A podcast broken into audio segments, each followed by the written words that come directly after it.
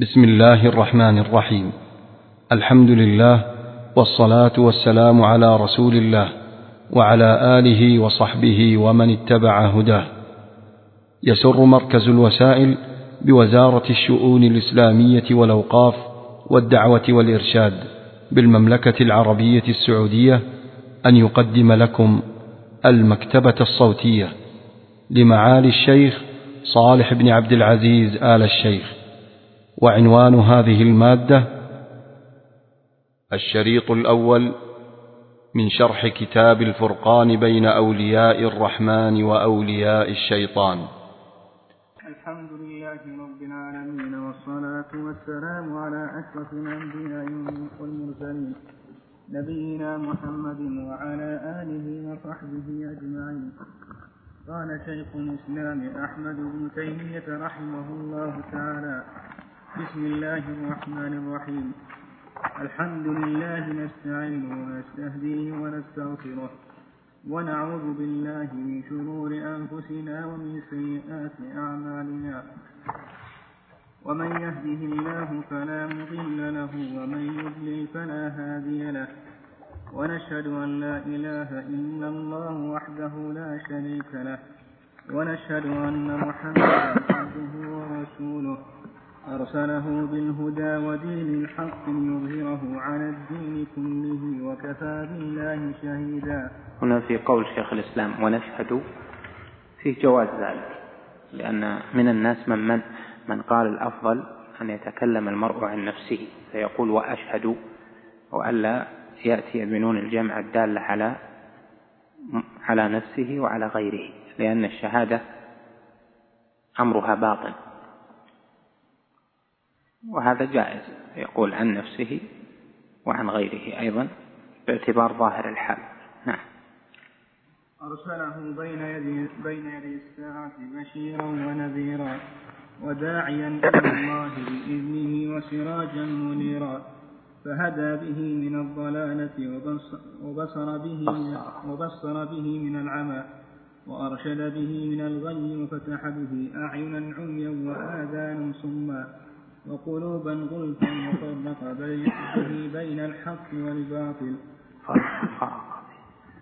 وفرق به بين الحق والباطل والهدى والضلال والرشاد والغي والمؤمنين والكفار والسعداء أهل الجنة والأشقياء أهل النار وبين أولياء الله وأعداء الله فمن شهد له محمد صلى الله عليه وسلم بأنه من أولياء الله فهو من أولياء الرحمن. ومن شهد له بأنه من أعداء الله فهو من أعداء الله وأولياء الشيطان. وقد بين سبحانه وتعالى في كتابه وسنة رسوله صلى الله عليه وسلم أن لله أولياء من الناس وللشيطان أولياء ففرق بين أولياء الرحمن وأولياء الشيطان فقال تعالى ألا إن أولياء الله لا خوف عليهم ولا هم يحزنون. الذين آمنوا وكانوا يتقون لهم البشرى في الحياة الدنيا وفي الآخرة لا تبديل لكلمات الله. ذلك هو الفوز العظيم. في هذه الآية أن الأولياء هم الذين آمنوا وكانوا يتقون. ولهذا عرف جماعة من أهل العلم الولي بأنه كل مؤمن تقي ليس بنبي. الذين آمنوا وكانوا يتقون هم الأولياء. والإيمان والتقوى تتفاضل الإيمان يتفاضل يزيد وينقص ويتفاضل أهله فيه وكذلك التقوى يتفاضل أهلها فيها.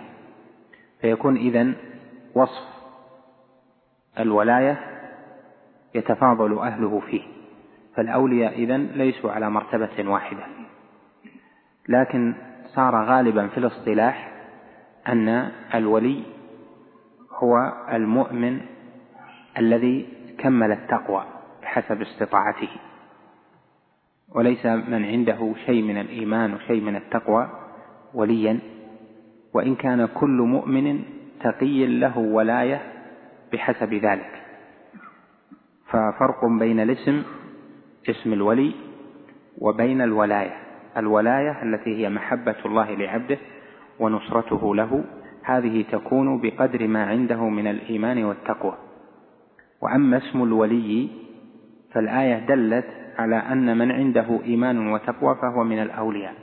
لكن في الاصطلاح إذا قيل الأولياء فهم العباد الصالحون الذين كملوا التقوى بحسب استطاعتهم أو بحسب حالهم. فلا يدخل فيه من خلط عاملا صالحا وآخر سيئا. قال تعالى الله ولي الذين آمنوا يخرجهم من الظلمات إلى النور. والذين كفروا أولياؤهم الطاغوت يخرجونهم من النور إلى الظلمات. أولئك أصحاب النار هم فيها خالدون. وقال تعالى يا أيها الذين آمنوا لا تتخذوا اليهود والنصارى أولياء بعضهم أولياء بعض. ومن يتولهم منكم فإنه منهم. إن الله لا يهدي القوم الظالمين. فترى الذين في قلوبهم مرض يسارعون فيهم. يقولون نخشى أن تصيبنا دائرة فعسى الله أن يأتي بالفتح أو أمر من عنده. فيصبحوا على ما أصروا في أنفسهم نادمين. قوله جل وعلا هنا ومن يتولهم منكم فإنه منهم هذا التولي المكفر الذي هو نصرة الكافر على المسلم في حال الحرب بقصد ظهور الكفر أو بقصد سلامة النفس دون سلامة الإسلام. يدل على هذا التفسير قوله في الآيات نفسها فعسى الله فترى الذين في قلوبهم مرض يسارعون فيهم يقولون نخشى أن تصيبنا دائرة. يسارعون فيهم يعني في توليهم وفي نصرتهم يقولون نخشى أن تصيبنا دائرة. فعسى الله أن يأتي بالفتح أو أمر من عنده. فهذه دلت على أن المقصود بقوله ومن يتولهم منكم فإنه منهم يعني في حال القتال والنصرة. لا تتخذوا اليهود والنصارى أولياء. ومن يتولهم منكم فإنه منهم يعني خرج عن الدين لأنه نصرهم في حال قتالهم لأهل الإسلام.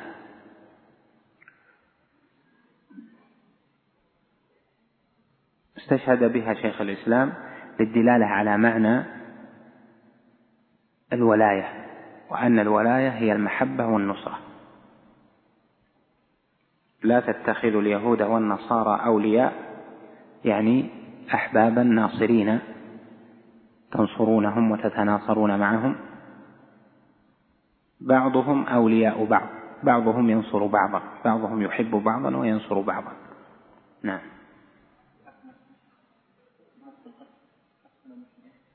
القصد نعم. لأنه في قصة حاطب حاطب حصل منه مسارعة في إفشاء السر والإخبار بعزم رسول الله صلى الله عليه وسلم على إتيان مكة فلما قال له عمر قال للنبي عليه الصلاة والسلام يا رسول الله دعني أضرب عنق هذا المنافق. قال يا عمر أرسله. يا حاطب ما حملك على هذا؟ فاستفصاله عليه الصلاة والسلام دال على اعتبار القصد. وقد علل هو بأمر دنيوي. فقال يا رسول الله ما من أحد من أهلك ما من أحد من صحابتك إلا وله في مكة قرابة أو أهل يدفعون عن ماله وليس لي أحد. فأردت أن يكون في بذلك يد. أدفع بها عن مالي. فقال عليه الصلاة والسلام صدقكم. فدل هذا على أنه لم يقصد ظهور الكفر على الإسلام وإنما قصد حماية نفسه. قصد حماية المال والنفس هذا راجع إلى أمر الدنيا وليس راجع إلى أمر الدين فيكون التولي أو الموالاة بهذا المعنى محرم وضلال عن سواء السبيل لكن ليست مكفرة وذلك لقول الله جل وعلا يا أيها الذين آمنوا لا تتخذوا عدوي وعدوكم أولياء تلقون إليهم بالمودة. قال العلماء أثبت أنهم ألقوا المودة ومع ذلك ناداهم باسم الإيمان فقال يا أيها الذين آمنوا. ومع ذلك قال في آخرها ومن يفعله منكم فقد ضل سواء السبيل فدل على أن هذا الفعل وهو الموالاة بهذا المعنى أنها محرم وضلال عن سواء السبيل ولكن لا يخرج عن اسم الإيمان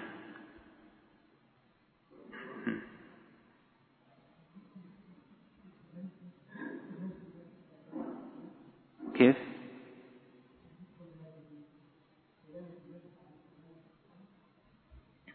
لا هو إذا نصر مرجحا سلامة نفسه على سلامة الإسلام فإنه هنا يكفر ولو بالفعل. يعني فرق بين أن يسر إليهم بشيء أو يمدهم يمدهم بمال أو نحو ذلك وما بين فعل شيء فيه نصر لهم على المسلمين. يعني يفعل شيئا معه نصر للكفر على الإسلام أو أو ظهور للكفار على المسلمين. ولهذا في نواقض الإسلام لإمام الدعوة رحمه الله ذكر من النواقض مظاهرة المشركين على المسلمين. والمظاهرة لفظ له هذا المعنى الذي ذكرت. نعم. كل حال هذا البحث له موطن آخر بتفصيله. ويقول الذين آمنوا أهؤلاء الذين أقسموا بالله جهد أيمانهم إنهم لمعكم حبطت أعمالهم فأصبحوا خاسرين. يا أيها الذين آمنوا من يرتد منكم عن دينه فسوف يأتي الله بقوم يحبهم ويحبونه أذلة على المؤمنين أعزة على الكافرين يجاهدون في سبيل الله ولا يخافون لومة لائم. ذلك فضل الله يؤتيه من يشاء والله واسع عليم. إنما وليكم الله ورسوله والذين آمنوا الذين يقيمون الصلاة ويؤتون الزكاة وهم راكعون. ومن يتول الله ورسوله والذين آمنوا فإن حزب الله هم الغالبون.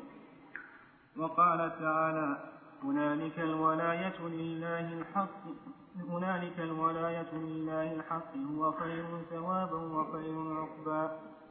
وذكر أولياء الشيطان فقال تعالى فإذا قرأت هذه الآيات السالفة كلها كلها في بيان أولياء الرحمن ومعنى الولاية إما في بيان أولياء الرحمن أو في معنى الولاية. والولاية كما ذكرت معناها المحبة والنصرة. هنالك الولاية لله الحق يعني النصرة الكاملة والمحبة إنما هي لله جل وعلا الحق سبحانه وتعالى. فمن أحب شيئا دون الله جل وعلا وتعلق قلبه به خذل من جهته. وكذلك من طلب النصر من غير الله جل وعلا وتعلق القلب بذلك خذل من جهته. ومن تعلق قلبه بالله وانتصر به كفاه. وهذا معنى قوله إنما وليكم الله ورسوله والذين آمنوا. يعني إنما محبكم وناصركم الله ورسوله والذين آمنوا. هذا هو الواجب أن تكون ولاية المؤمنين في الله جل وعلا ولله. وذكر أولياء الشيطان فقال تعالى نقف هنا نعم. الرحمن الرحيم. قال شيخ الإسلام رحمه الله تعالى وذكر أولياء الشيطان فقال تعالى قرأت القرآن فاستعذ بالله من الشيطان الرجيم. إنه ليس له سلطان على الذين آمنوا وعلى ربهم يتوكلون. إنما سلطانه على الذين يتولونه والذين هم به مشركون. وقال تعالى الذين الذين آمنوا يقاتلون في سبيل الله والذين كفروا يقاتلون في سبيل الطاغوت. فقاتلوا أولياء الشيطان إن كيد الشيطان كان ضعيفا.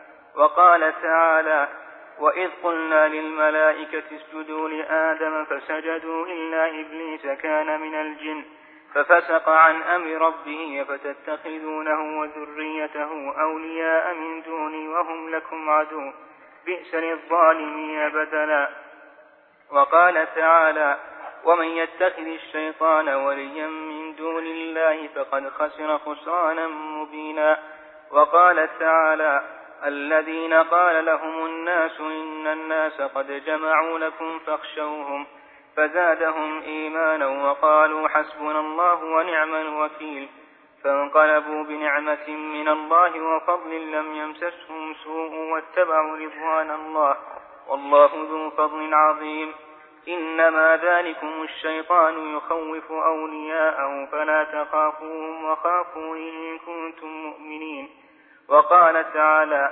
إنا جعلنا الشياطين أولياء للذين لا يؤمنون وإذا فعلوا فاحشة قالوا وجدنا عليها آباءنا إلى قوله إنهم اتخذوا الشياطين أولياء من دون الله ويحسبون أنهم مهتدون وقال تعالى وإن الشياطين ليوحون إلى أوليائهم يجادلوكم وقال الخليل عليه الصلاة والسلام يا أبت إني أخاف أن يمسك عذاب من الرحمن فتكون للشيطان وليا. وقال تعالى يا أيها الذين آمنوا لا تتخذوا عدوي وعدوكم أولياء تلقون إليهم بالمودة. الآيات إلى إلى قوله إنك أنت العزيز الحكيم. فصل. نعم. وهذا كله استدلال استدلال بالآيات على التسمية. يعني كأنه استحضر رحمه الله من يقول له من أين أتيت بهذه التسمية؟ أولياء الرحمن وأولياء الشيطان. فأتى بالآيات التي تدل على أن للرحمن أولياء وعلى أن للشيطان أولياء. هذه خطبة الكتاب يعني مقدمة. لما ذكر الآن يأتي للصفات. ما صفات هؤلاء وما صفات هؤلاء؟ نعم. وإذا, وإذا عرف أن الناس فيهم أولياء الرحمن وأولياء الشيطان فيجب أن يفرق بين هؤلاء وهؤلاء كما فرق الله ورسوله بينهما. فأولياء الله هم المؤمنون هم المؤمنون المتقون كما قال تعالى ألا إن أولياء الله لا خوف عليهم ولا هم يحزنون الذين آمنوا وكانوا يتقون وفي الحديث الصحيح الذي رواه البخاري وغيره عن أبي هريرة رضي الله عنه عن النبي صلى الله عليه وسلم قال يقول الله تعالى من عادى لي وليا فقد بارزني بالمحاربة أو فقد آذنته بالحرب وما تقرب إلي عبدي بمثل أداء ما افترضت عليه. هذا أو إيش؟ أو, أو فقد آذنته بالحرب. أو فقد آذنته بالحرب. عندك نسخة؟ كذا حتى عندي. أو فقد. كل النسخ عندكم كذا؟ وما لأن شيخ الإسلام دائما استدلاله في الأول. من هذا لي وليا فقد بارزني بالمحاربة. وهذا اللفظ ليس في كتب الصحاح إنما هو عند أبي نعيم عند غيره الكتب غير المشهورة. لعلها أخذه من بعض المستخرجات على الصحيح كمستخرج أبي عوانة أو أو المستخرج الإسماعيلي على البخاري قصدي ونحو ذلك. لأنه عنده عناية بالجمع بين الصحيحين للحميد. المقصود أن هذا الاستدلال أو هذا اللفظ مما يعترض به على شيخ الإسلام كثيرا لأن هذا اللفظ غير معروف. قد بارزني بالمحاققة و لفظ المعروف في الصحيح قد آذنته بالحق هذا هو اللفظ المعروف في هذا الحديث المسمى بحديث الولي. ولا يزال عبدي نعم. يتقرب إيه رواه البخاري في الصحيح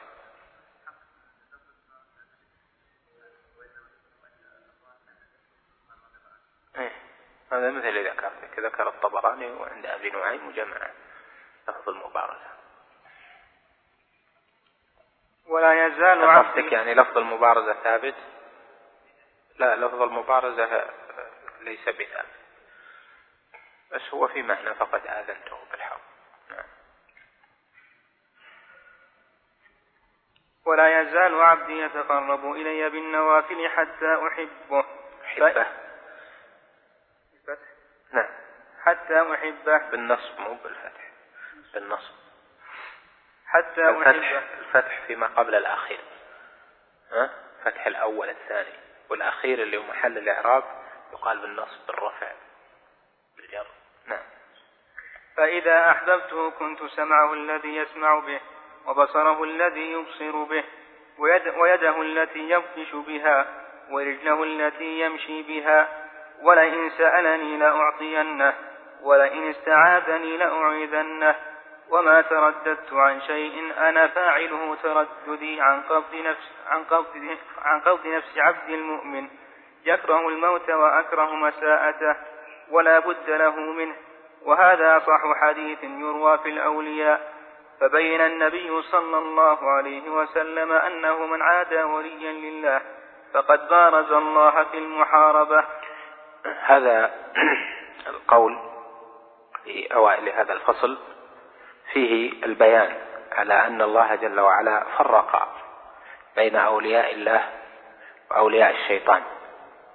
فكونه سبحانه يذكر في القرآن أن لله أولياء وأن للشيطان أولياء ثم لا يفرق بين هؤلاء وهؤلاء بالصفات بما يعلم به هؤلاء وهؤلاء. هذا ممتنع لأن الله جل جلاله جعل هذا القرآن فرقانا. تبارك الذي نزل الفرقان على عبده فهو فرقان بين الأشياء المتقابلة التي قد تلتبس. ومن ذلك وصف أولياء الرحمن ووصف أولياء الشيطان. فالفرقان قائم بين هذين الحزبين وبين هاتين الطائفتين. فهؤلاء لهم صفات وهؤلاء لهم صفات. أعظم ما في القرآن من وصف أولياء الله جل وعلا في آية سورة يونس التي استدل بها وهي قوله تعالى ألا إن أولياء الله لا خوف عليهم ولا هم يحزنون الذين آمنوا وكانوا يتقون. فبين جل وعلا أن الأولياء هم الذين آمنوا وكانوا يتقون. ومن المتقرر أن الإيمان يتبعض وأنه درجات بعضها فوق بعض وأن التقوى كذلك يتبعض في تتبعض والناس فيها مختلفون. كل يأخذ منها بحسب ما يسر له. فنتج من ذلك أن الأولياء أيضا ليسوا على مرتبة واحدة بل هم مراتب فصفات الأولياء التي تجمعهم أنهم المؤمنون المتقون. والمؤمن هو المؤمن بالله ورسوله وبكتابه. فلا يتصور من الولي الخروج عن أمر الله وأمر رسوله صلى الله عليه وسلم وأمر كتاب الله لأهواء ولآراء بل هو متبع للكتاب والسنة. كذلك لا يتصور في الولي أنه صاحب كبيرة أو صاحب اصرار على الصغائر واستمرار فيها لأن التقوى هي صفته التي لازمته الذين آمنوا وكانوا يتقون. والتعبير أو استعمال كانوا يتقون يفيد ثبات هذه الصفة. فإذا كان كذلك كان وصف الأولياء في القرآن أنهم المؤمنون المتقون. أما وصفهم في السنة فقد جاء بأكثر تفصيلا في حديث الولي المعروف وهو ما رواه البخاري رحمه الله وغيره أن النبي عليه الصلاة والسلام قال يقول الله تعالى من آذى لي وليا فقد آذنته بالحرب وما تقرب إلي عبدي بشيء أحب إلي مما افترضته عليه ولا يزال عبدي يتقرب إلي بالنوافل حتى أحبه. هنا الفرائض أحب إلى الله جل وعلا من النوافل وزيادة تقرب العبد بالنوافل سبب في محبة الله جل وعلا لعبده.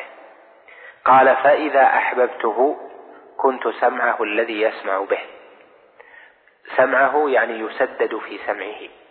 كنت سمعه كان الله سمع الولي يعني سدده في سمعه فلا يسمع إلا من يحب إلا ما يحب ربه ومولاه. وبصره الذي يبصر به يعني أسدده في بصره فلا يبصر إلا ما أحب ولا يستأنس في بصره إلا بما أحب.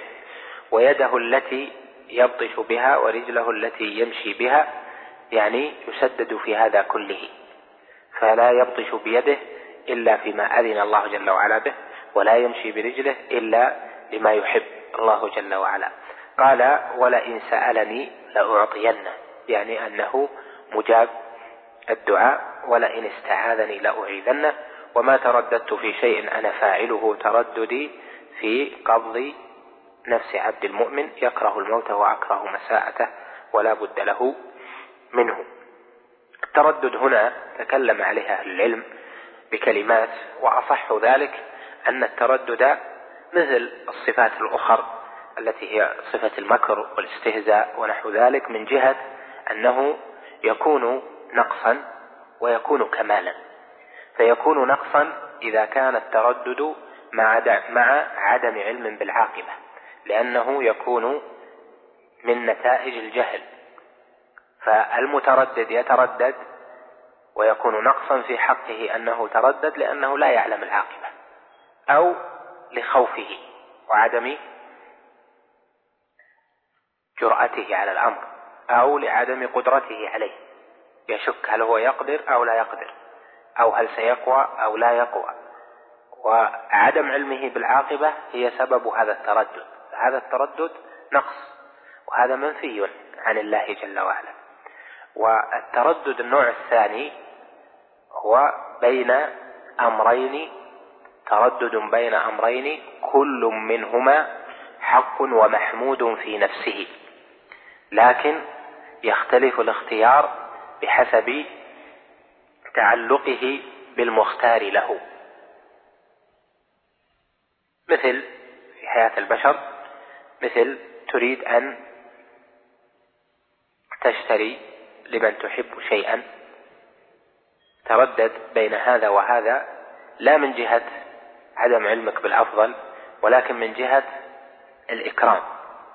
تعزم واحد والله أحط له ذبيحتين ولا ثلاث هذا تردد ليس نقصا أنت الآن بين كرم وبين أكرم فهذا ليس نقصا هذا تردد في ما يناسب المختار له. هذا هو الذي من جنسه جاء في هذا الحديث. وما ترددت في شيء أنا فاعله هذا التردد الحق التردد الذي هو كمال الذي لا نقص فيه بوجه من الوجوه. فهذا أحسن الأجوبة على ذلك وهو طريقة المحققين؟ نعم. نعم.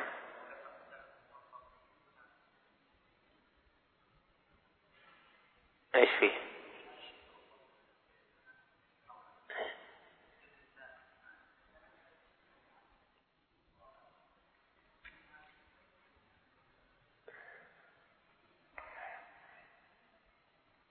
طيب في غير اللسان؟ يعني هل تفهم من ذلك أن السمع والبصر واليد والرجل أنها للحصر؟ لكن هذه هي السمع والبصر معنويان. يعني نوعان من أنواع الإدراكات معنويان.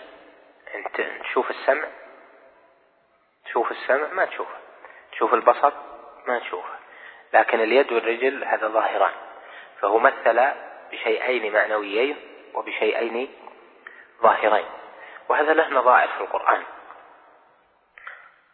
أم تحسبوا أن أكثرهم يسمعون أو يعقلون؟ أم لهم؟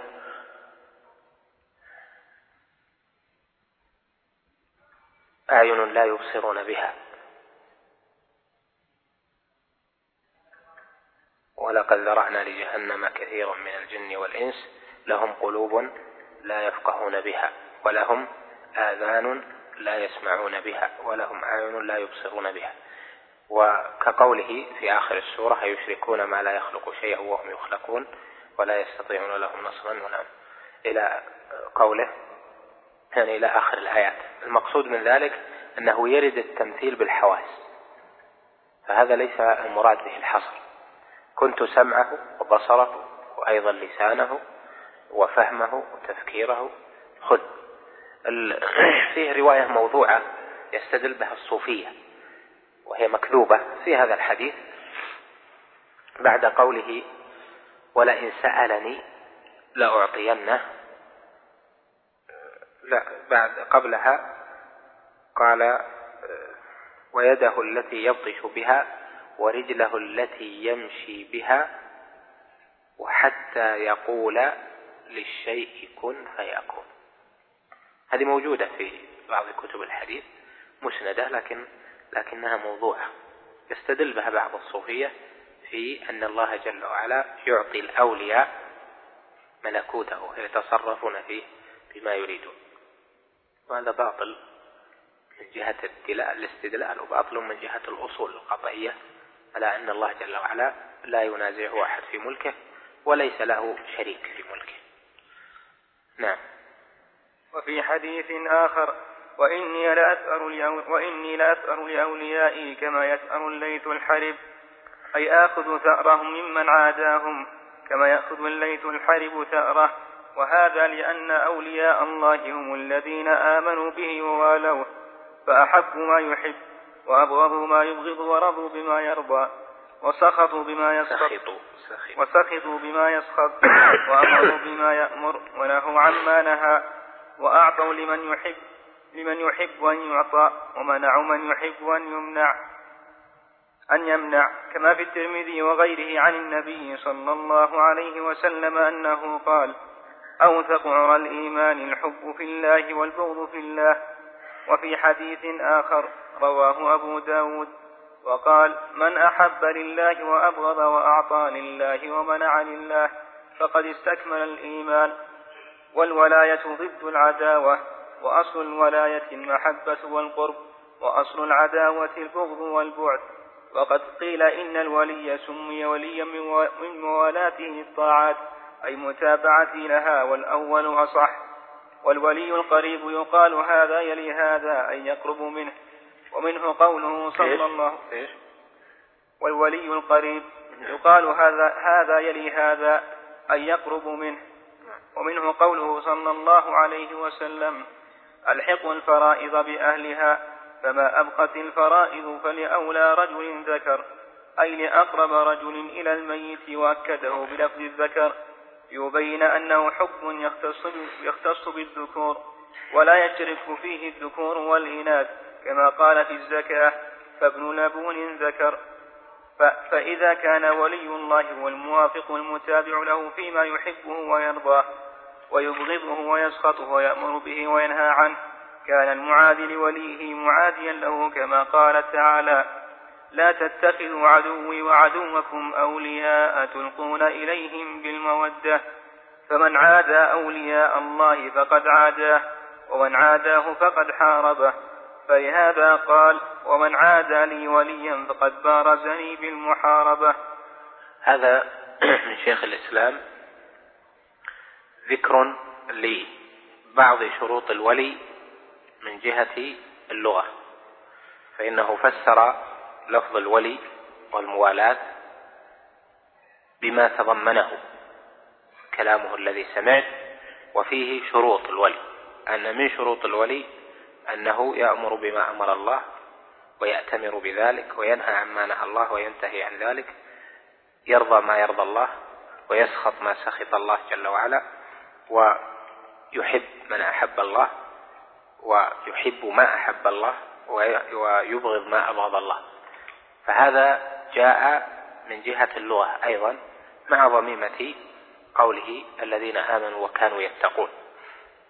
تخلص من ذلك إلى أن صفات الأولياء التي منها ما هو صفة شرط يعني صفة إذا لم توجد لم يكن وليا مأخوذة من قوله الذين آمنوا وكانوا يتقون يعني كلمة الإيمان والتقوى ومأخوذة أيضا من جهة اللفظ لفظ الولي لأن الولي هو المحب التابع الناصر وهذا هذه المحبة تقتضي موافقته فيما أحب موافقته فيما نهى عنه جل وعلا وهكذا.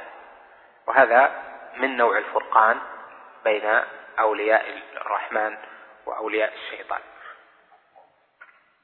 نعم وأفضل أولياء الله هم أنبياء هنا قال لك أصل أصل الموالاة. أصل الولاية المحبة والقرب. وأصل المعاداة أو العداوة. إيش؟ البغض والبعد. هذا الأصل في الموالاة والمعاداة هو القدر الواجب في الولاء والبراء. قدر الذي به يصح الإسلام. فلا يصح إسلام أحد حتى يكون عنده موالاة ومعاداة عنده ولاء وبراء الولاء الذي يصح به أصل الإسلام هو المحبة محبة الله محبة دينه محبة رسوله محبة توحيده. هذه المحبة هي الأصل. لها لوازم في الظاهر هذه لها أحكامها. كذلك العداوة أو البراء وبغض الشرك بغض الضلال بغض الشيطان بغض عبادة غير الله بغض الكفر. هذا القدر هو الواجب الذي والشرط الذي من لم يأت به فلا إسلام له. فكلمة التوحيد لا إله إلا الله هذه مشتملة على الولاء والبراء مشتملة على الموالاة والمعاداة لكن الولاء والبراء منه قدر مجزئ لا يصح إسلام أحد إلا به يعني مجزئ في صحة الإسلام ومنه قدر آخر واجب لكن ليس شرطا في الصحة. قدر الواجب هو ما كان من قبيل الحب والبغض أصل المعنى وهو الموجود في القلب. فمحبة التوحيد وبغض الشرك هذا أصل في في الإسلام وهو معنى الولاء والبراء ومعنى كلمة التوحيد فمن لم يكن عنده حب للتوحيد وبغض للشرك فلا إسلام له أصلا. بخلاف محبة أهل التوحيد محبة أهل الشرك ونحو ذلك فهذه فيها أحوال وتفصيلات. نعم. وأفضل أولياء الله هم أنبياؤه وأفضل أنبيائه هم المرسلون منهم.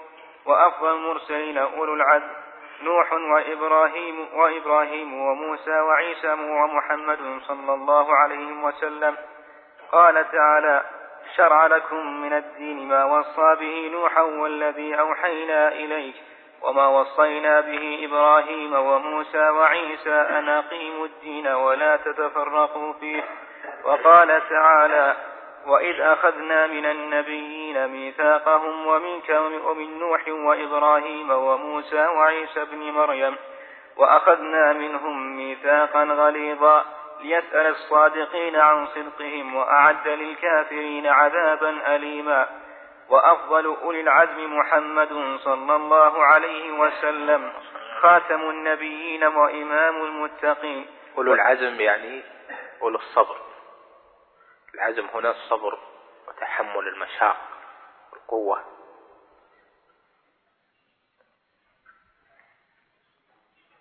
وجميع المرسلين أولو صبر وتحمل المشاق وقوة.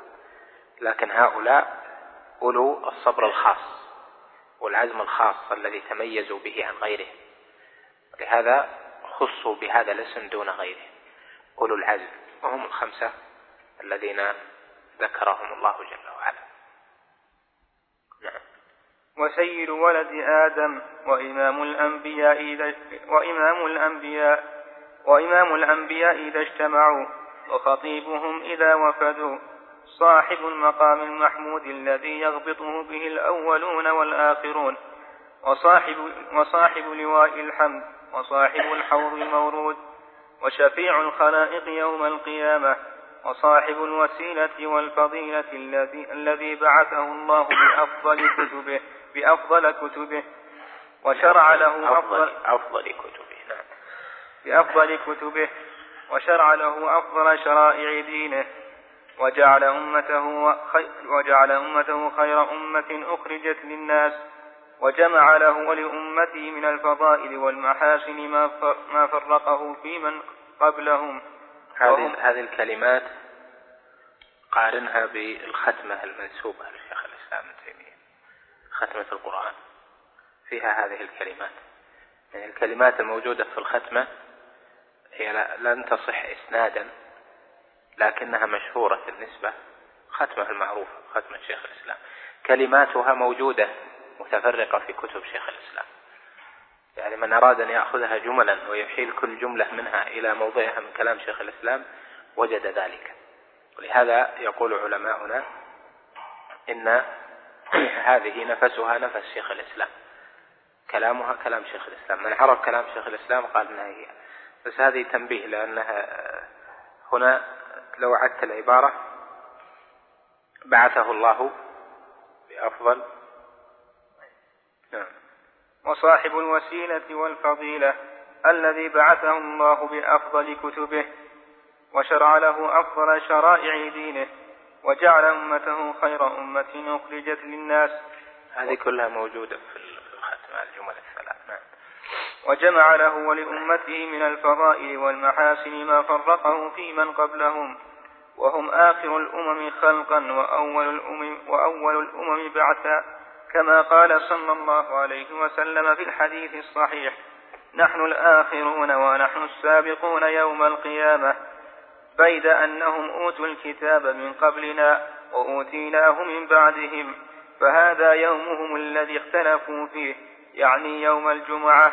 فهدانا الله له الناس لنا تبع فيه غدا لليهود وبعد غد للنصارى. وقال صلى الله عليه وسلم قف هنا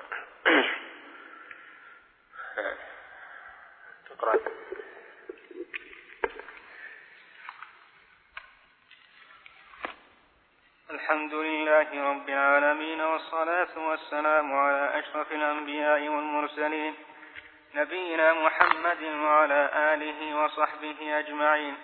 قال شيخ الإسلام رحمه الله تعالى وقال صلى الله عليه وسلم أنا أول من تنشق عنه الأرض. وقال صلى الله عليه وسلم آتي باب الجنة فأستفتح.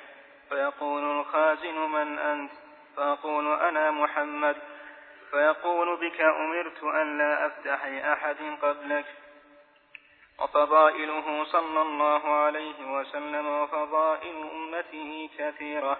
ومن حين بعثه الله جعله الفارق بين أوليائه وبين أعدائه فلا يكون وليا لله إلا من آمن به وبما جاء به واتبعه باطنا وظاهرا ومن ادعى محبة, محبة الله وولايته وهو لم يتبعه فليس من أولياء الله بل من خالفه كان من أعداء الله وأولياء, وأولياء الشيطان.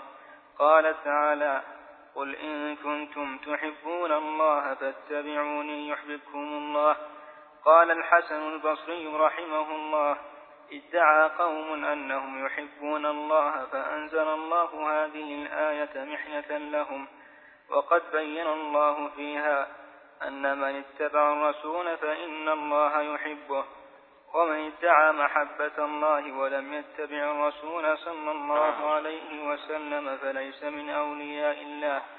وإن كان كثير من الناس يظنون في أنفسهم أو في غيرهم أنهم من أولياء الله ولا يكونون من أولياء الله. فاليهود والنصارى يدعون أنهم أولياء لله وأنه لا يدخل الجنة. ولا خوف عليهم ولا هم يحزنون. وكان مشرك العرب يدعون أنهم أهل الله لسكناهم مكة. ومجاورتهم البيت وكانوا يستكبرون به على غيرهم كما قال تعالى قد كانت آياتي تتلى عليكم فكنتم على أعقابكم تنكصون. مستكبرين به سامرا تهجرون. وقال تعالى وإذ يمكر بك الذين كفروا ليثبتوك أو يقتلوك إلى قوله وهم يصدون عن المسجد الحرام وما كانوا أولياءه إن أولياؤه إلا المتقون فبين سبحانه أن المشركين ليسوا أولياءه ولا أولياء بيته إنما أولياؤه المتقون وثبت في الصحيحين عن عمرو بن العاص رضي الله عنه قال سمعت رسول الله صلى الله عليه وسلم يقول, يقول جهارا من غير سر إن آل فلان ليسوا لي بأولياء يعني طائفة من أقاربه إنما ولي الله وصالح المؤمنين وهذا موافق لقوله تعالى فإن الله هو مولاه وجبريل وصالح المؤمنين. وصالح المؤمنين هو من كان صالحا من المؤمنين وهم المؤمنون المتقون أولياء الله ودخل في ذلك أبو بكر وعمر وعثمان وعلي وسائر أهل بيعة الرضوان الذي الذين بايعوا تحت الشجرة. صالح, صالح المؤمنين. صالح في الشرع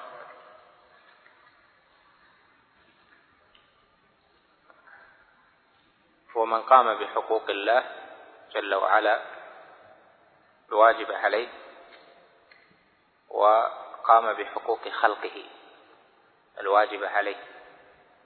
فالقائم بحقوق الله وحقوق الخلق هو الصالح من عباد الله. والصالحون مقتصدون وسابقون. فالمقتصد هذا صالح يعني الذي يفعل الواجبات وينتهي عن المحرمات والسابق بالخيرات هذا أفضل الصالحين. فأولياء الله جل وعلا هم صالح المؤمنين الذين يفعلون الواجبات وينتهون عن المحرمات. ومنهم أخصهم الذين يسابقون في الخيرات. لكن لفظ الولي بخصوصه. أطلق على من كان سابقا بالخيرات على من كان من خاصة صالح المؤمنين. ففي العرف ليس المقتصدون يعني الذين اقتصروا على أداء الواجبات وتركوا المحرمات يسمون أولياء. وهم في الحقيقة أولياء لقول الله جل وعلا يعني أولياء لله لقول الله جل وعلا.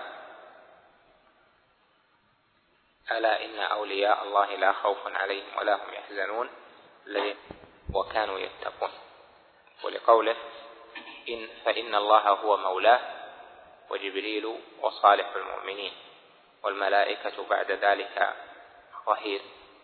إن أولياؤه إلا المتقون ولكن أكثرهم لا يعلمون ونحو ذلك من الأدلة. نعم.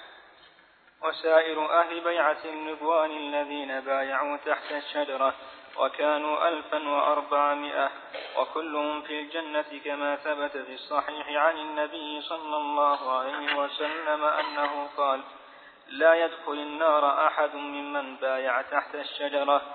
ومثل هذا الحديث الآخر. لا يدخل النار أحد بايع تحت الشجرة. له نظائر في النصوص من, أن من استعمال كلمة لا يدخل. إما في الجنة أو في النار. لا يدخل النار من في قلبه مثقال ذرة من إيمان. لا يدخل الجنة قتات لا يدخل الجنة قاطع ونحو ذلك. وهذا النفي للدخول عند أهل السنة تارة يراد به نفي الأصل وتارة يراد به نفي تخليد وتارة يراد به نفي الأولية. ففي النفي هذا في هذا الحديث المراد به نفي الأصل لا يدخل النار أحد بايع تحت الشجرة يعني أصلا. لا يدخلها أصلا. وما جاء في النفي دخول الجنة لا يدخل الجنة قتات لمام ونحو ذلك. هذا المراد مراد به الدخول الأولي.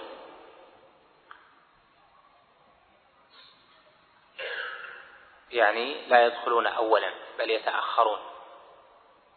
ويقابل هذا النفي التحريم في النصوص. يحرم على النار.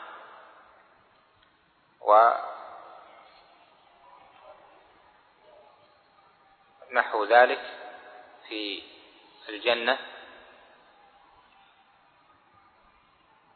فإنه يراد به تارة التحريم الأبدي وتارة التحريم المؤقت أو التحريم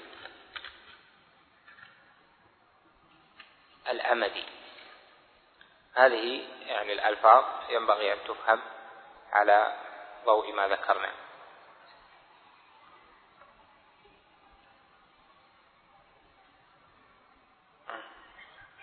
ومثل هذا الحديث الآخر إن أولياء المتقون أيا كانوا وحيث كانوا كما أن من الكفار من يدعي أنه ولي الله وليس وليا لله بل عدو له. فكذلك من المنافقين الذين يظهرون الإسلام يقرون في الظاهر بشهادة أن لا إله إلا الله وأن محمدا رسول الله وأنه مرسل إلى جميع الإنس بل إلى الثقلين الإنس والجن ويعتقدون في الباطن ما يناقض ذلك مثل أن لا يقروا في الباطن بأنه رسول, رسول الله وإنما كان ملكا مطاعا ساس الناس برأيه من جنس غيره من الملوك أو يقولون إنه رسول الله إلى الأميين دون أهل الكتاب كما يقول كثير من اليهود والنصارى أو أنه مرسل إلى عامة الخلق وأن لله أولياء خاصة لم يرسل إليهم ولا يحتاجون إليه بل لهم طريق إلى الله من غير جهته كما كان الخضر مع موسى أو أنهم يأخذون عن الله كل ما يحتاجون إليه وينتفعون به من غير واسطة أو أنه مرسل بالشرائع الظاهرة وهم موافقون له فيها. وأما الحقائق الباطنية فلم يرسل بها أو لم يكن يعرفها. يقصد بالمنافقين الذين هذه صفتهم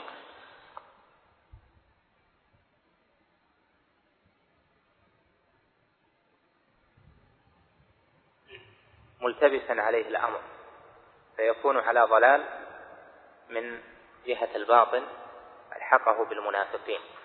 فإن طوائف غلاة الصوفية والاتحادية يقولون نحن في الظاهر متبعون لصاحب الشريعة وفي الباطن مستقلون كما قاله ابن عربي وغيره قالوا إن النبي عليه الصلاة والسلام لما طاف بالبناء بناء الأنبياء فوجد البناء قد كمل وحسن إلا موضع لبنة. فقال عليه الصلاة والسلام فأنا هذه اللبنة يعني التي كمل بها بناء الأنبياء.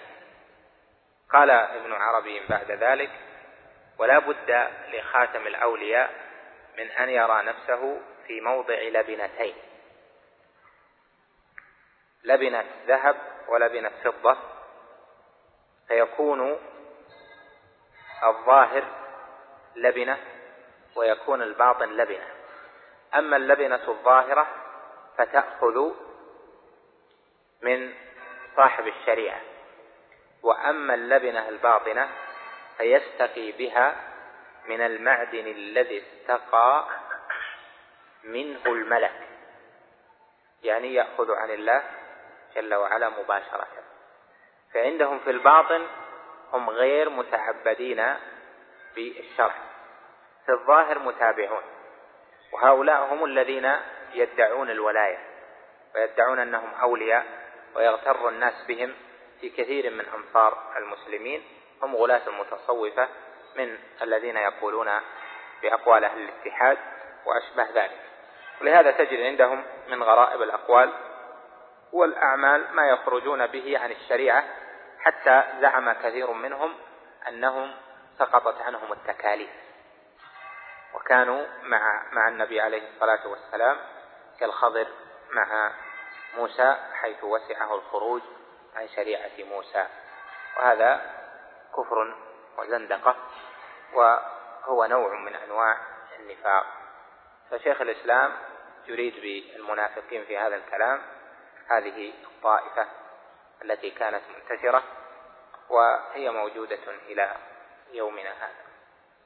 نكتفي بهذا القدر الأمين والسلام على نبينا محمد وعلى آله وصحبه أجمعين. قال شيخ الإسلام رحمه الله تعالى كما أن من الكفار من يدعي أنه ولي الله وليس وليا لله بل عدو له. فكذلك من المنافقين الذين يظهرون الإسلام يقرون في الظاهر بشهادة أن لا إله إلا الله وأن محمدا رسول الله وأنه مرسل إلى جميع الإنس بل إلى الثقلين الإنس والجن. ويعتقدون في الباطن ما يناقض ذلك مثل أن لا يقروا في الباطن بأنه رسول الله.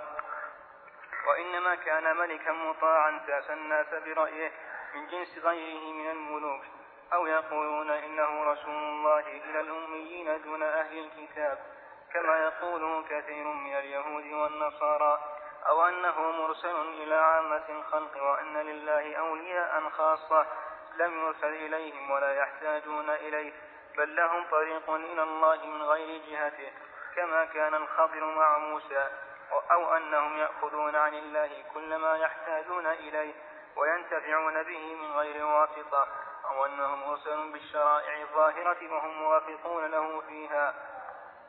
وأما الحقائق الباطنية فلم يرسل بها أو, أو, لم, أو, أو لم يكن يعرفها أو هم أعرف بها منه أو يعرفونها مثل ما يعرفها من غير طريقته.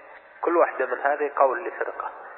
كل وصف من هذه قول لفرقة من الفرق. ليست من باب الاستطراد لا كل واحدة قول لطائفة. نسأل الله العافية والسلامة كلها من أول ما قرأنا إلى هنا. كل قول منها لطائفة.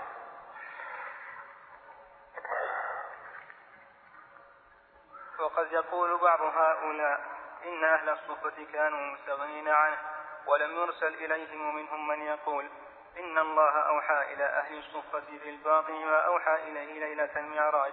فصار أهل الصفة بمنزلته وهؤلاء من فرط جهلهم. لا يعلمون أن الإسراء كان بمكة كما قال تعالى سبحان الذي أسرى بعبده ليلا من المسجد الحرام إلى المسجد الأقصى الذي باركنا حوله. وأن الصفة لم تكن إلا بالمدينة وكانت صفة في شمال مسجده صلى الله عليه وسلم. ينزل بها الغرباء الذين ليس لهم أهل وأصحاب. ليس لهم أهل وأصحاب ينزلون عندهم. فإن المؤمنين كانوا يهاجرون إلى النبي صلى الله عليه وسلم إلى المدينة. فمن أمكنه أن ينزل في مكان نزل به. ومن تعذر ذلك عليه نزل في المسجد إلى أن يتيسر له مكان ينتقل إليه. ولم يكن أهل الصفة ناسا بأعيانهم يلازمون الصفة. بل كانوا يقلون تارة ويكثرون أخرى. ويقيم الرجل بها زمانا ثم ينتقل منها. والذين ينزلون بها هم من جنس سائر المسلمين. ليس لهم مزية في علم ولا دين بل فيهم من ارتد عن الإسلام وقتله النبي صلى الله عليه وسلم كالعرنيين الذين اشتروا المدينة أي استوخموها فأمرهم النبي صلى الله عليه وسلم بلقاح أي إبل لها لبن وأمرهم أن يشربوا من أبوالها وألبانها. فلما صحوا قتلوا الراعي واستاقوا الدود فأرسل النبي صلى الله عليه وسلم في طلبهم فأتي بهم فأمر بقطع أيديهم وأرجلهم وسمرت أعينهم وتركهم في الحرة يستسقون فلا يسقون. وحديثهم في الصحيحين من حديث أنس وفيه أنهم نزلوا الصفة فكان ينزلها مثل هؤلاء ونزلها من خيار المسلمين سعد بن أبي وقاص وهو أفضل من نزل بالصفة ثم انتقل منها. ونزلها أبو هريرة أبو, أبو هريرة وغيره.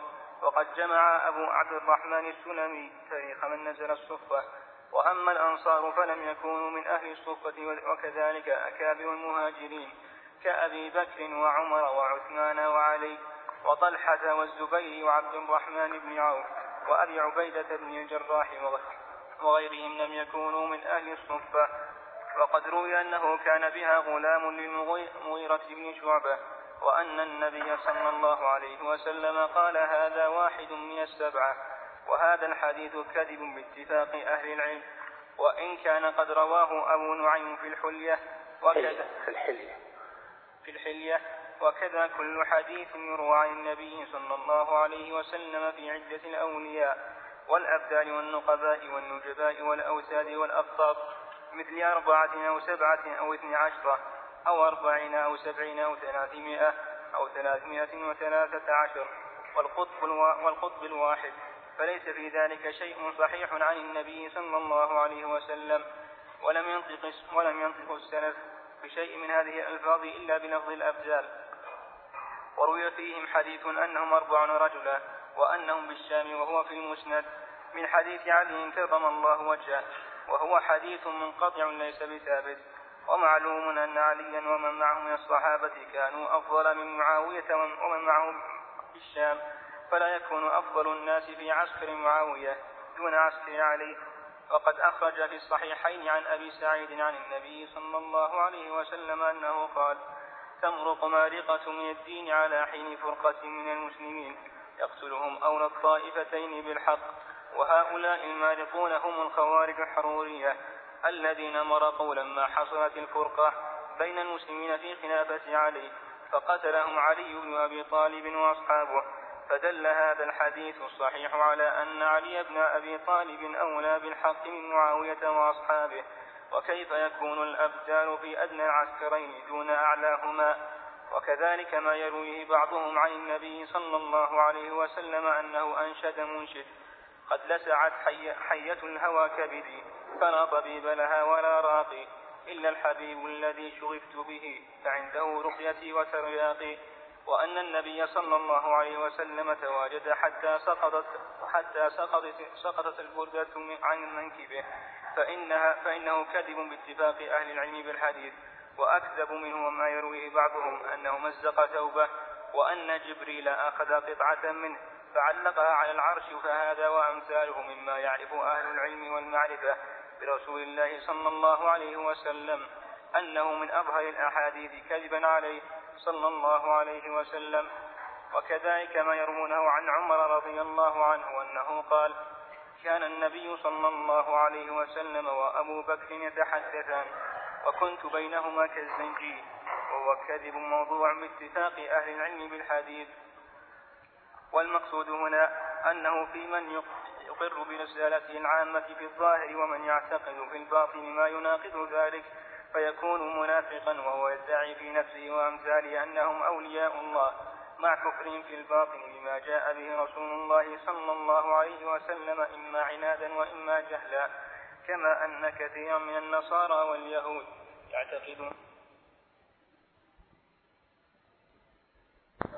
فهؤلاء في طائفتهم أنهم أولياء الله وإنما أولياء الله الذين وصفهم الله تعالى بولايته بقوله بولايته بولايته ألا إن أولياء الله لا خوف عليهم ولا هم يحزنون الذين آمنوا وكانوا يتقون.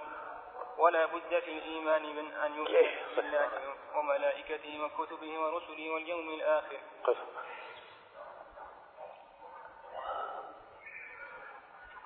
هذا الكتاب هو كتاب الفرقان بين أولياء الرحمن وأولياء الشيطان. والله جل وعلا فرق بين هؤلاء وهؤلاء فوصف أولياء الرحمن ووصف أولياء الشيطان. وما ذكره المصنف في هذا المقطع الذي قرأنا فيه بيان أن الكفار من أولياء الشيطان. وأن المنافقين في هذه الأمة نظروا إلى الولاية ولاية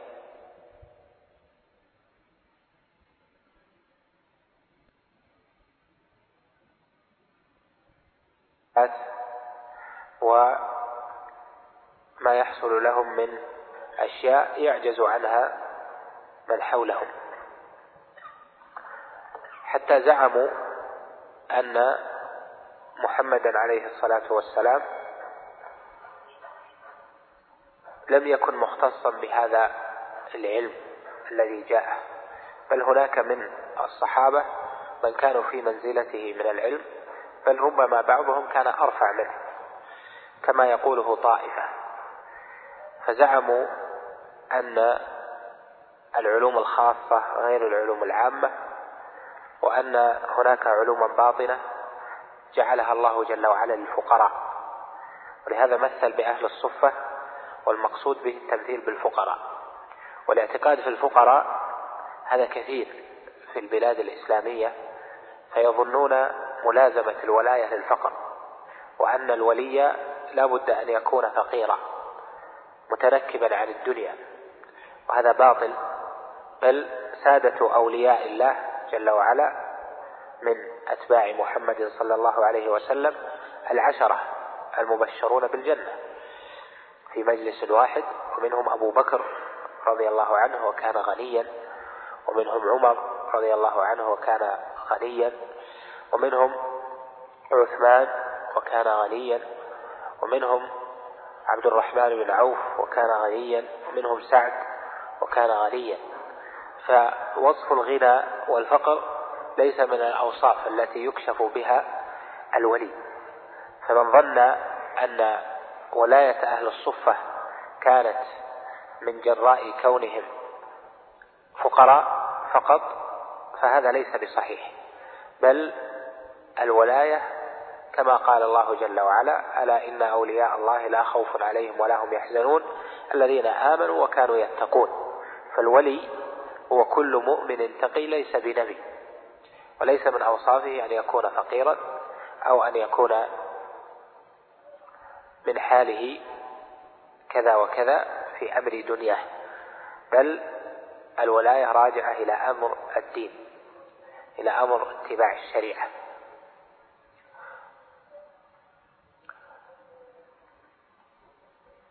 وأولياء الله جل وعلا ليس لهم علوم خاصة بل علومهم تابعة للشرع تابعة لمحمد صلى الله عليه وسلم.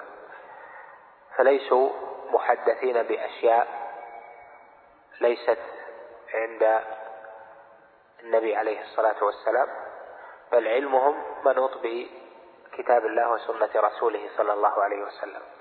قد زعم المتأخرون من الجهال أن هناك من أولياء الله من يأخذون من المعدن الذي أخذ منه الملك مباشرة. فبهذا يفضلون محمدا صلى الله عليه وسلم. يقولون الولي يأخذ عن الله مباشرة. وأما النبي صلى الله عليه وسلم فأخذ عن الله بواسطة جبريل. فكما ذكر ابن عربي وكما ذكر غيره قال فالولي يأخذ من المعدن الذي أخذ منه الملك مباشرة. يعني فلا يحتاج إلى واسطة. ففضل بهذا النبي. وقالوا الولي يمكن أن يخرج عن شريعة النبي لأنه في الظاهر متبع للنبي لكنه في الباطن يتلقى تلقيا خاصا. ولهذا زعموا أن هناك من تسقط عنه التكاليف وأن هناك من يسعه الخروج. عن شريعة محمد صلى الله عليه وسلم كما وسع الخضر الخروج عن شريعة موسى. وهذا الاعتقاد في جهال المسلمين من قديم. وفي زمن الدعوة كان هذا موجودا في نجد الاعتقاد في الصوفية وفي الفقراء وفي أنهم ربما فعلوا أشياء خارجة عن الشريعة ويبقون على ولايتهم على ولايتهم. كما ذكر الشيخ رحمه الله في النواقض نواقض الإسلام أن من النواقض من ظن أن أحدا من الخلق يسعه الخروج عن شريعة محمد صلى الله عليه وسلم كما وسع الخضر الخروج عن شريعة موسى.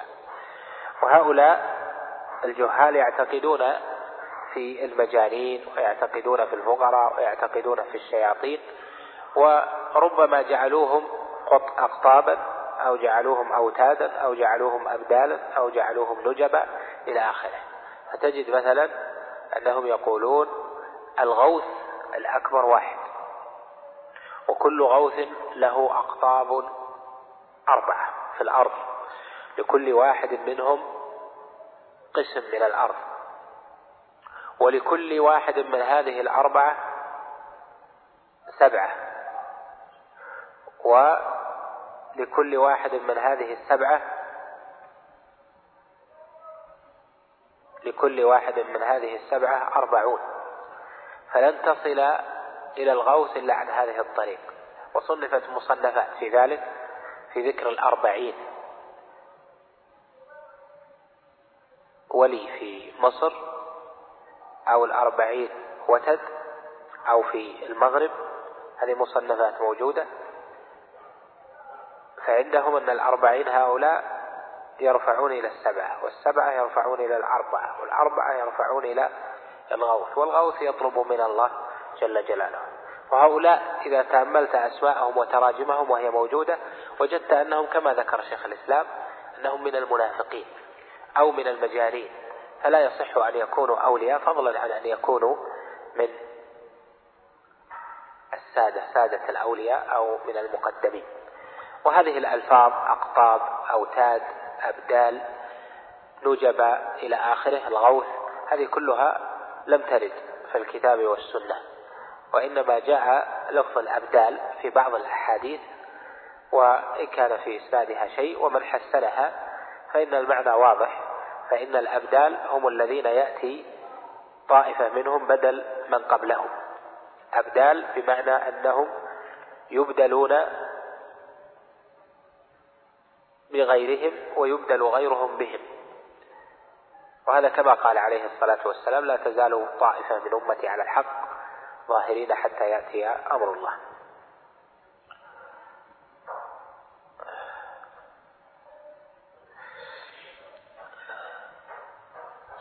نكتفي بهذا القدر وصلى الله وسلم وبارك على نبينا محمد. الحمد لله. العالمين. والصلاة والسلام على أشرف الأنبياء والمرسلين نبينا محمد وعلى آله وصحبه أجمعين. قال شيخ الإسلام رحمه الله تعالى ولا بد في الإيمان من أن يؤمن بالله وملائكته وكتبه ورسله واليوم الآخر. ويؤمن بكل ويؤمن بكل رسول أرسله الله وكل كتاب أنزله الله كما قال تعالى قولوا آمنا بالله وما أنزل إلينا وما أنزل إلى إبراهيم وإسماعيل وإسحاق ويعقوب ويعقوب والأصباط وما أوتي موسى وعيسى وما أوتي النبيون من ربهم لا نفرق بين أحد منهم ونحن له مسلمون. فإن آمنوا بمثل ما آمنتم به فقد اهتدوا وإن تولوا فإنما هم في شقاق. فسيكفيكهم الله وهو السميع العليم. وقال تعالى آمن الرسول بما أنزل إليه من ربه والمؤمنون كل آمن بالله وملائكته وكتبه ورسله. لا نفرق بين أحد من رسله وقالوا سمعنا وأطعنا غفرانك ربنا وإليك المصير.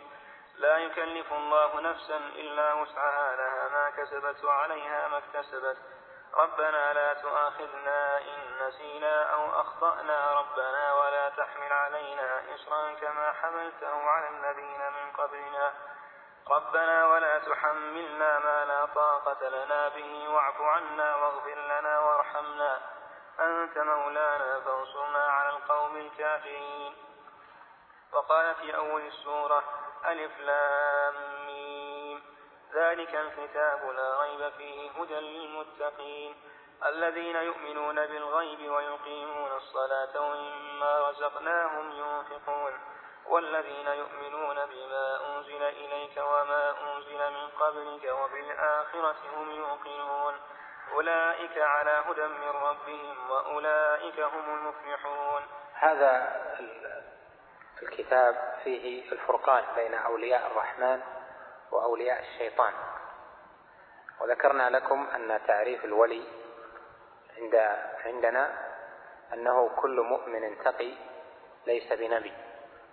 فلا بد في الولي أن يكون مؤمنا ولا بد أن يكون تقيا لإطلاق خصوص اسم الولي عليه.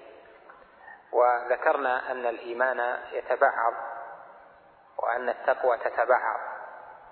فبالتالي يكون ما ينتج منهما وهو الولاية يتبعض فيكون الأولياء ليسوا على مرتبة واحدة وذلك كما قال جل وعلا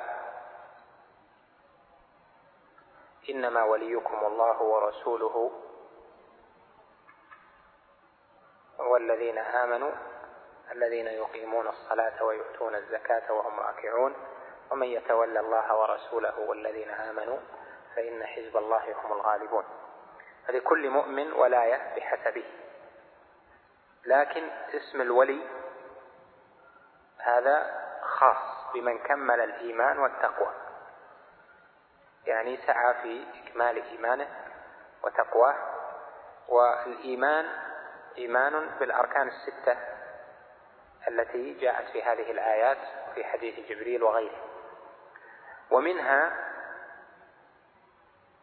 الإيمان بالرسل والإيمان بالكتب. ومن الإيمان بالرسل والإيمان بالكتب بل هو أخصها الإيمان بأن رسول بأن محمد بن عبد الله خاتم الأنبياء والمرسلين وأن القرآن هو خاتم الكتب وأن طاعة محمد بن عبد الله فرض وليس لأحد أن يخرج عن طاعته. هذا كل السياق من شيخ الإسلام ليبين أن قول حزب الشيطان في عصره وما بعده أن ثم أولياء لا يخضعون لرسالة محمد صلى الله عليه وسلم باطنا وإن خضعوا لها ظاهرا بحكمهم من الأمة لأن هذا باطل. كما ادعى طائفة أن الولي له ظاهر وباطن فظاهره متابع لشريعة النبي الذي أرسل إليه وباطنه يتلقى من مشكاة الوحي الذي تلقى منها ذاك النبي قد يفضل عليه إلى آخر ذلك. فهذا السياق لتقرير أن الولي مؤمن بأركان الإيمان. نعم. فلا بد في الإيمان من, من أن تؤمن أن محمدا صلى الله عليه وسلم خاتم النبيين. لا نبي بعده. وأن الله أرسله إلى جميع الثقلين الجن والإنس فكل من لم يؤمن بما جاء به فليس بمؤمن. فضلا عن أن يكون من أولياء الله المتقين. ومن آمن ببعض ما جاء به وكفر ببعض فهو, فهو كافر ليس بمؤمن. كما قال الله تعالى إن الذين يكفرون بالله ورسله ويريدون أن يفرقوا بين الله ورسله ويقولون نؤمن ببعض ونكفر ببعض ويريدون أن يتخذوا بين ذلك سبيلا. أولئك هم الكافرون حقا وأعتدنا للكافرين عذابا مهينا. والذين آمنوا بالله ورسله ولم يفرقوا بين أحد منهم أولئك سوف يؤتيهم أجورهم وكان الله غفورا رحيما. والكفر هنا في قوله ومن آمن ببعض ما جاء به وكفر ببعض. وكذلك في الآية نؤمن ببعض ونكفر ببعض. الكفر هذا قسمان. القسم الأول كفر التكذيب هو أن يكذبوا بالكتاب أو برسالة الرسول. يقولون فلان رسول وفلان ليس برسول. نكذب برسالة فلان ولا نقر له بالرسالة. تكذيبا له فيما جاء به وفلان من عباد الله هذا رسول. هذا تكذيب لرسالة بعض وإقرار برسالة بعض. فمن كذب فقد كفر ومن صدق فهو مؤمن. والقسم الثاني كفر من جهة الإيباء والاستكبار والامتناع. بمعنى أنه أبى أن يتبع ذلك الرسول أبى أن يكون ملتزما بشريعة ذلك الرسول. بل يقول أنا أؤمن برسول وأتبع شريعة فلان ولا أتبع شريعة الآخر. ففرق فرقوا بين الرسل. وهذا من جهة الاحتجاج على اليهود. والواجب على عباد الله أن يكونوا مؤمنين بالرسل جميعا مصدقين وأن يكونوا منقادين طائعين لما جاء به محمد عليه الصلاة والسلام وما جاء به القرآن لأنه خاتم الكتب لأن محمدا عليه الصلاة والسلام خاتم الرسل. فإذا يكون الإيمان على درجتين كل منهما فرض لا يتم الإيمان إلا بهما جميعا. إيمان بمعنى التصديق رسالة محمد صلى الله عليه وسلم. ثم الإيمان بمعنى الالتزام بما جاء به وعدم الامتناع عما جاء به. فمن كذب فقد كفر ومن أبى واستكبر فهو كافر. نعم. ومن الإيمان الإيمان به بأنه هو الواسطة. بين الله وبين خلقه في تبليغ أمره ونهيه ووعده ووعيده وحلاله وحرامه. فالحلال ما أحله الله ما أحله الله ورسوله والحرام ما حرمه الله ورسوله والدين ما شرعه الله ورسوله صلى الله عليه وسلم. فمن اعتقد أن لأحد من الأولياء طريقا إلى الله من غير متابعة محمد صلى الله عليه وسلم فهو كافر من أولياء الشيطان. وأما خلق الله تعالى للخلق ورزقه إياهم وإجابته لدعائهم. رزقه إياهم. رزقه بالفتح مصدر بالفتح. وأما خلق الله تعالى للخلق ورزقه إياهم. الرزق هو الشيء المرزوق. الرزق هو الشيء. رزق الله عبدا رزقا فذاك الشيء هو الرزق. وأما المصدر فهو الرزق. قل الخلق والرزق والإحياء والإماتة والبرء إلى آخره. نعم وإجابته لدعائهم وهدايته لقلوبهم ونصرهم على أعدائهم وغير ذلك من جلب المنافع ودفع المضار فهذا لله وحده يفعله بما يشاء من الأسباب لا يدخل في مثل هذا وساقته الرسل. ثم لو بلغ الرجل في الزهد والعبادة والعلم ما بلغ ولم يؤمن بجميع ما جاء به محمد صلى الله عليه وسلم فليس بمؤمن ولا ولي لله تعالى.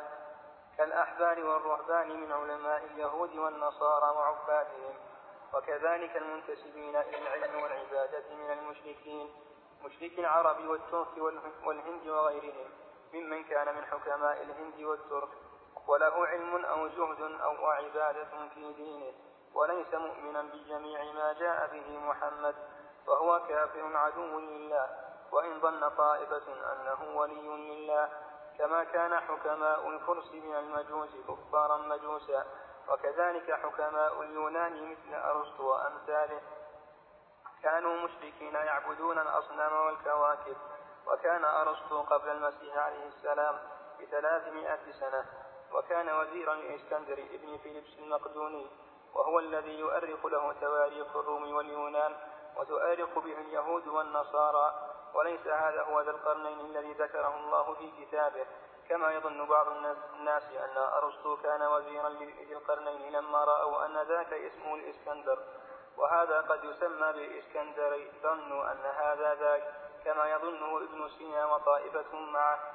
وليس الأمر كذلك. بل هذا الإسكندر المشرك الذي قد كان أرسطو وزيره متأخر عن ذاك ولم يبني هذا السور ولا وصل إلى بلاد يأجوج ومأجوج.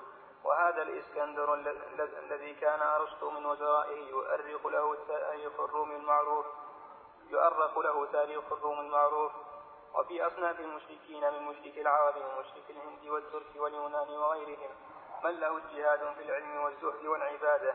ولكن ليس بمتبع للرسل ولا يؤمن بما جاءوا به ولا يصدقهم فيما أخبروا به ولا يطيعهم فيما أمروا فهؤلاء ليسوا بمؤمنين ولا أولياء الله وهؤلاء تقترن بهم الشياطين وتنزل, وتنزل عليهم فيكاشفون الناس ببعض الأمور ولهم تصرفات خارقة من جنس السحر وهم جنس من الكهان والسحرة الذين تنزل عليهم الشياطين.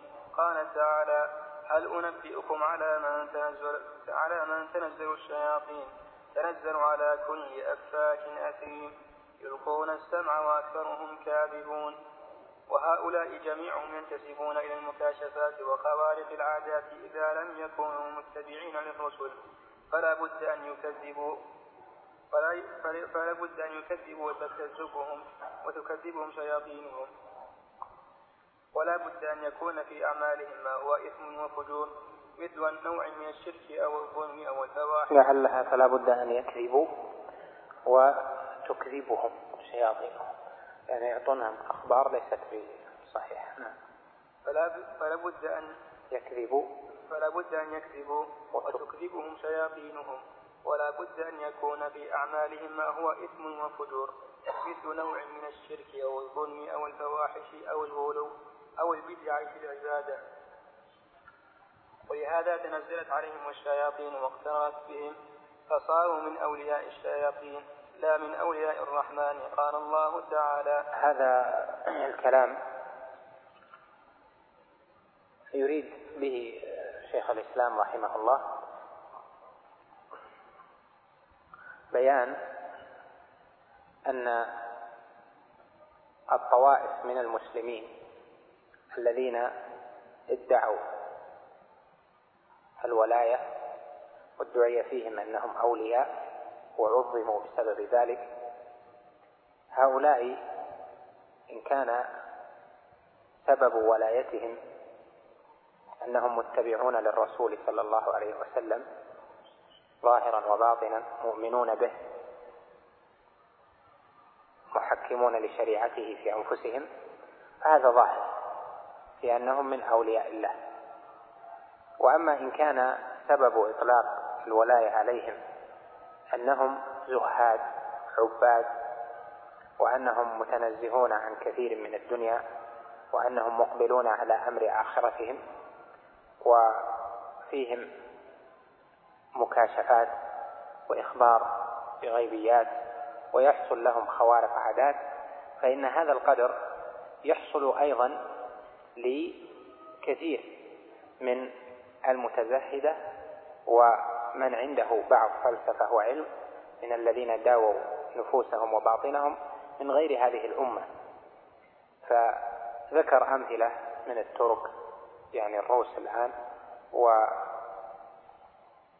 تركستان وما حولها ومن الهند ومن خراسان وكذلك من اليونان. هؤلاء فيهم أناس نقل بالنقل المستفيض أنه يحصل لهم خوارق عادات وأن عندهم زهد وعبادة إلى آخره. فإن كان وشيخ الإسلام كأنه يتنزل ويناظر فإن كان مدار مدار الولاية وإطلاق الولي اسم الولي على من عنده زهد وعبادة وخوارق عادات فأولئك أيضا كذلك. لكن هم كفار بالإجماع. لأن متعبدة اليهود متعبدة النصارى زهاد النصارى قد يكون عندهم بكاء من خشية الله وقد يكون عندهم خوارق عادات وكذلك زهاد ومتعبدة الهند الترك والفرس واليونان إلى آخره هؤلاء كفار بالإجماع لأنهم لم يتبعوا محمدا صلى الله عليه وسلم ولم يكونوا مسلمين ظاهرا وباطنا. فإذا ما الفرق في الحال بين هؤلاء الذين ادعيت فيهم الولاية وادعوا الخروج من شريعة محمد صلى الله عليه وسلم وأولئك؟